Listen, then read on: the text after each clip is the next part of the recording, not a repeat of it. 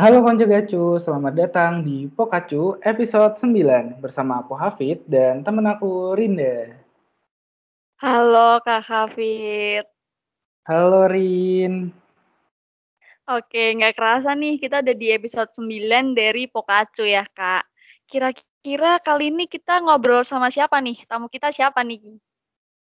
Oke, jadi tamu kita kali ini terkenal dengan sebutan Fakultas Burjois nih Rin.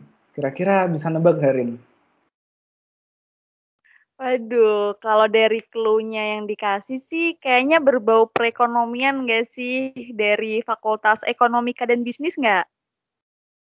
Bener banget Rin. Jadi kali ini kita kedatangan tamu dari Fakultas Ekonomika dan Bisnis. Dan di sini sekarang udah ada Akbar dan Mas Abi. Halo Akbar, Mas Abi.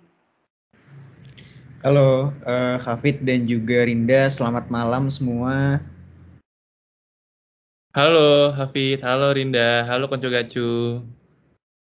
Oke, halo Mas Akbar, Mas Abi. Sebelum kita ngobrol lebih banyak lagi nih, boleh dong dari Mas Akbar dan juga Mas Abi buat kenalin diri lebih banyak lagi ke Konco Gacu biar kita bisa makin kenal nih. Oke, uh, halo semua para pendengar setia dari podcast Gacu. Sebelumnya perkenalkan nama aku Dimas Naufal Abi. Teman-teman bisa manggil aku Abi. Aku dari jurusan Ekonomi Islam angkatan 2018 Fakultas Ekonomika dan Bisnis Undip. Dan di sini eh, nemenin Akbar. Aku juga sekaligus sebagai koordinator bidang dinamika dan relasi sosial BMFB Undip tahun 2021. Oke. Oke, halo teman-teman semuanya. Perkenalkan, nama aku Akbar dari akuntansi angkatan 2019. Aku di sini sebagai ketua divisi dari kemitraan internal atau biasa dikenal dengan harmonisasi kampus dari hum, dari Humas BMFB Undip. Mungkin itu aja. Oke, kita udah kenal nih sama Mas Akbar dan juga Mas Abi. Uh, kira-kira saat ini gimana nih kabarnya dan lagi sibuk apa ya kalau boleh tahu? Oke, berarti aku dulu nih ya. Uh, kalau dari aku sekarang udah mau akhir-akhir kepengurusan ya. Kan juga sekarang juga udah masuk ke semester 7, udah masuk semester 8, jadi mungkin uh, sebentar lagi fokus untuk uh, skripsi udah mahasiswa tua juga soalnya. Jadi mohon doanya teman-teman semua. Oke, kalau aku sih gini-gini aja ya, kuliah, terus sama organisasi nggak nggak nggak kayak Mas Abi sih udah nyiapin buat skripsi. Oke, semangat Mas Abi skripsinya dan semangat Akbar kuliahnya ya. Oke, kita udah kenal nih sama narasumber kita kali ini. Selanjutnya boleh dong dari Akbar atau Mas Abi nih kenalin ke Konco Gacu tentang Fakultas Ekonomi dan Bisnis. Oke, Fit. Jadi FEB atau bisa dikenal dengan Fakultas Ekonomi dan Bisnis atau atau yang punya nama lain fakultas emang berjuis. Nah, nah di sini uh, di FEB itu ada empat jurusan dan ada tiga departemen. Untuk departemennya itu ada departemen manajemen, departemen ilmu ekonomi, dan departemen akuntansi. Untuk jurusan S1-nya itu ada S1 manajemen, S1 ilmu ekonomi, S1 ekonomi Islam, S1 akuntansi, dan untuk S2 dan S3 ada S2 manajemen, S2 akuntansi, S2 ekonomi, dan S3 ekonomi. Dan biasa dikenal tuh apa ya anak-anak FIB itu bisa dikenal dengan nama warga ekonomi. Gitu sih Fit, paling Fit. Oke, tadi udah disinggung dikit nih tentang FEB dan juga sebutan untuk warga ekonomi ya Mas ya. Selanjutnya aku mau nanya nih, untuk keberjalanan perkuliahan kan kita nggak bisa lepas dari fasilitas nih. nih. Fasilitas penunjang pembelajaran yang ada di FEB itu kayak gimana nih Mas? Oke, ini mungkin berbicara ketika offline kali ya. Kalau ketika offline fasilitas di FEB itu bisa dibilang tuh lebih dari cukup sih. Karena banyak banget emang fasilitas yang ada di FEB. Contohnya eh, ada lab Bloomberg, ada iLabs, ada studio bahkan eh, apabila kayak teman-teman mau buat video untuk tugas dan sebagainya. Dan untuk WiFi pun juga kencang-kencang dan ada di segala penjuru. Dan untuk di tiap kelasnya juga bisa dibilang menunjang apa ya kegiatan pembelajaran gitu. Mulai dari bangkunya yang bangku dan mejanya yang nyaman AC-nya yang dingin dan ada proyektor dan ada speaker yang emang uh, rusak gitu. Dan kurang lebih gitu sih. Bahkan fasilitas FEB itu bisa dibilang uh, cuma ada yang cuma dimiliki sama FEB doang FEB Unip doang. Itu lab Bloomberg. Dan di fakultas lain atau di univ lain tuh belum ada. Cuma di FEB Unip cuma ada di FEB Unip doang. Jadi teman-teman tuh harus bangga untuk kuliah di Fakultas Ekonomika dan Bisnis itu Dinda Oke, makasih nih Mas udah dikasih tahu tentang fasilitas penunjang pembelajaran yang cukup lengkap ya di FEB. Selanjutnya kalau untuk fasilitas terbaru atau yang sedang dalam pembangunan ada nggak nih Mas kira-kira? Karena dengar-dengar lagi ada pembangunan nih di FEB. Wah, betul. Nah, kebetulan dari Harkam dari awal awal kepengurusan itu lagi ngawal isu pembangunan. Dan untuk pembangunan yang sedang terjadi itu ada ada revitalisasi embung atau renovasi embung dan juga ada perluasan lahan parkir. Dan mungkin teman-teman yang pernah ke FEB kan sering lihat danau FEB tuh kayak jelek banget kan, nggak kepake. Nah sekarang tuh udah lebih bagus, ada air mancurnya. Dan biasanya juga lahan parkir itu kan sempit banget ya di FEB. Nah sekarang tuh udah, udah diperluas gitu. Dan juga ada gerbang baru, beda sama yang biasanya kemarin. Dan apa ya, untuk pos pos pintu masuk pun juga baru. Dan nggak cuma itu aja, ada juga signage, tulisan kayak Fakultas Ekonomi dan Bisnis yang besar. Dan itu benar-benar bagus banget. Jadi teman-teman atau kakak-kakak yang bentar lagi mau wisuda, bisa banget itu kalau misalkan wisuda foto di situ karena emang bagus dan keren banget. Dan ada lagi yaitu ada coworking space, itu bisa dibilang kayak kantin tapi di luar di luar di luar kantinnya FEB kantin FEB kan biasanya kan ada di dalam gedung C Nah ini mungkin kantin apa kantin di luar dan juga temanya tuh open space gitu. Jadi teman-teman bisa nongkrong-nongkrong, belajar-belajar asik dan seru sama teman-temannya. Dan itu sih untuk yang fase 1.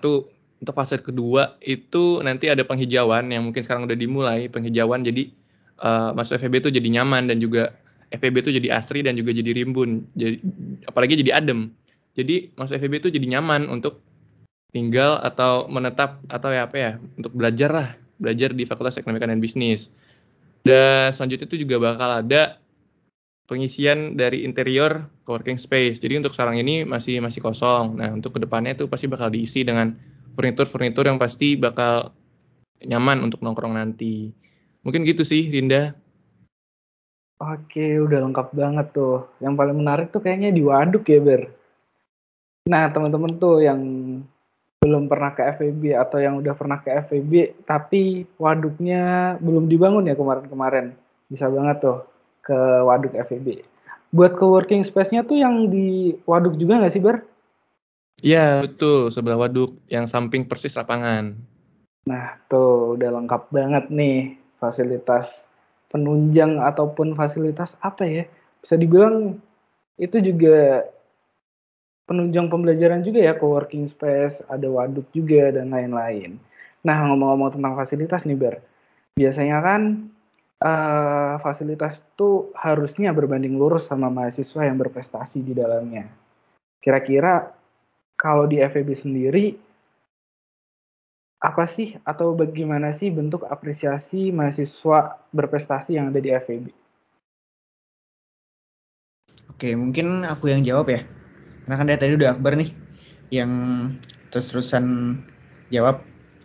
Uh, mungkin kalau untuk soal yang mahasiswa berprestasi dari kami ataupun dari Fakultas Ekonomika dan Bisnis biasanya selalu mendukung ataupun uh, apa ya namanya kalau misalkan ada mahasiswa-mahasiswa yang lomba gitu ya itu biasanya di dibersamai ataupun dikawal difasilitasi melalui pelatihan terus juga uh, kalau misalkan ada tulisan selamat berjuang, postingan selamat berjuang untuk uh, para uh, para lomba, para apa ya para peserta lomba, justru juga para atlet-atlet yang bertanding biasanya untuk kejuaraan-kejuaraan yang tingkatnya nasional ataupun uh, yang di bawah-bawahnya juga ya.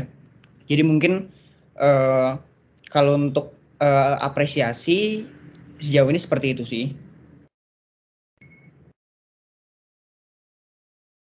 Oke, makasih nih Mas Abi tadi udah dijelasin tentang bentuk apresiasi mahasiswa berprestasi yang ada di FEB. Nah, kira-kira kalau menurut dari Mas Akbar atau Mas Abi sendiri nih, bentuk apresiatif ini udah cukup atau ada yang perlu ditingkatkan lagi nih kira-kira? Oke, uh, dari aku sendiri ya, sebenarnya dari uh, Fakultas Ekonomi dan Bisnis, menurutku udah cukup ya. Dari mulai kalau misalkan kita ngomongin akademik itu yang tadi aku bilang kita kawal dari dari uh, awal pas pelatihan terus juga pas nanti uh, lomba gitu di bersama sama teman-teman bidang akademik dan keilmuan dari masing-masing himpunan dan juga BEM dan juga postingan yang tadi terus juga uh, kalau misalkan kita ngomongin non akademik di olahraga gitu ya kalau misalkan ada atlet-atlet yang berprestasi ataupun misalkan kita mencapai uh, juara Olimpipo ya gitu ya seperti yang uh, dua tahun lalu itu ada apresiasi sendiri dari uh, dekanat gitu terutama dari Pak dekannya sendiri. Entah uh, ada hadiah tersendiri ataupun uh, makan bersama gitu di traktir Pak dekan mungkin uh, sebenarnya udah cukup sih kalau dari apresiasi apresiasi. Cuman mungkin ada sedikit kendalanya uh, karena kan setiap apa ya nama setiap lomba ataupun setiap mahasiswa ya setiap para peserta lomba juga belum tentu mengisi data, database database yang ada di uh, postingan ataupun jarkoman dari masing-masing himpunan atau BEM gitu. Jadi pasti ada satu atau dua gitu ataupun lebih ya yang bahkan uh, masih kelewat gitu ya mungkin uh, karena nggak setiap apa ya namanya nggak setiap mahasiswa yang ikut lomba itu langsung mengisi database dan sebagainya gitu mungkin itu sih Oke, makasih Mas Abi. Uh, mungkin selanjutnya nih Mas Abi sama Akbar. Saat ini akhir-akhir ini ya terutama ya banyak banget yang membahas isu tentang cinta lingkungan. Nah kalau di FEB sendiri ada nggak sih bentuk atau implementasi dari gerakan cinta lingkungan dari mahasiswa FEB itu sendiri? Oke, uh, untuk bentuk ataupun implementasi gerakan cinta lingkungan dari FEB sendiri sebenarnya ini udah uh, udah kita implementasikan, udah kita coba terapkan dari dulu ketika aku maba juga udah ada sih uh, eh, KTR ya kawasan tanpa rokok.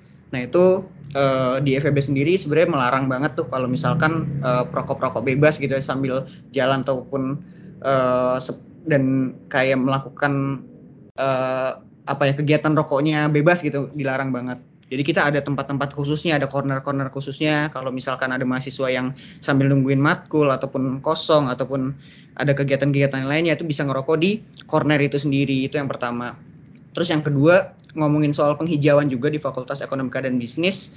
Uh, kita juga coba ya dari gerakan dari Somalia BMF Undip juga uh, mendukung gerakan penghijauan, kita coba untuk inisiasi Rumah Lestari. Rumah Lestari itu sebagai suatu instalasi juga nanti bentuknya di mana uh, di situ nanti isinya sebagai uh, tanaman hidroponik ataupun aquaponik gitu. Jadi di samping FEB juga lagi menerapkan penghijauan dari kita dari para ormawa ataupun uh, BEM himpunan juga membantu uh, mengimplementasikan melewat lewat rumah lestari itu sendiri gitu mungkin itu sih Oke, makasih Mas Abi. Menarik nih teman-teman ada rumah lestari dari Somalia FEB Undip nih buat penghijauan di lingkungan FEB.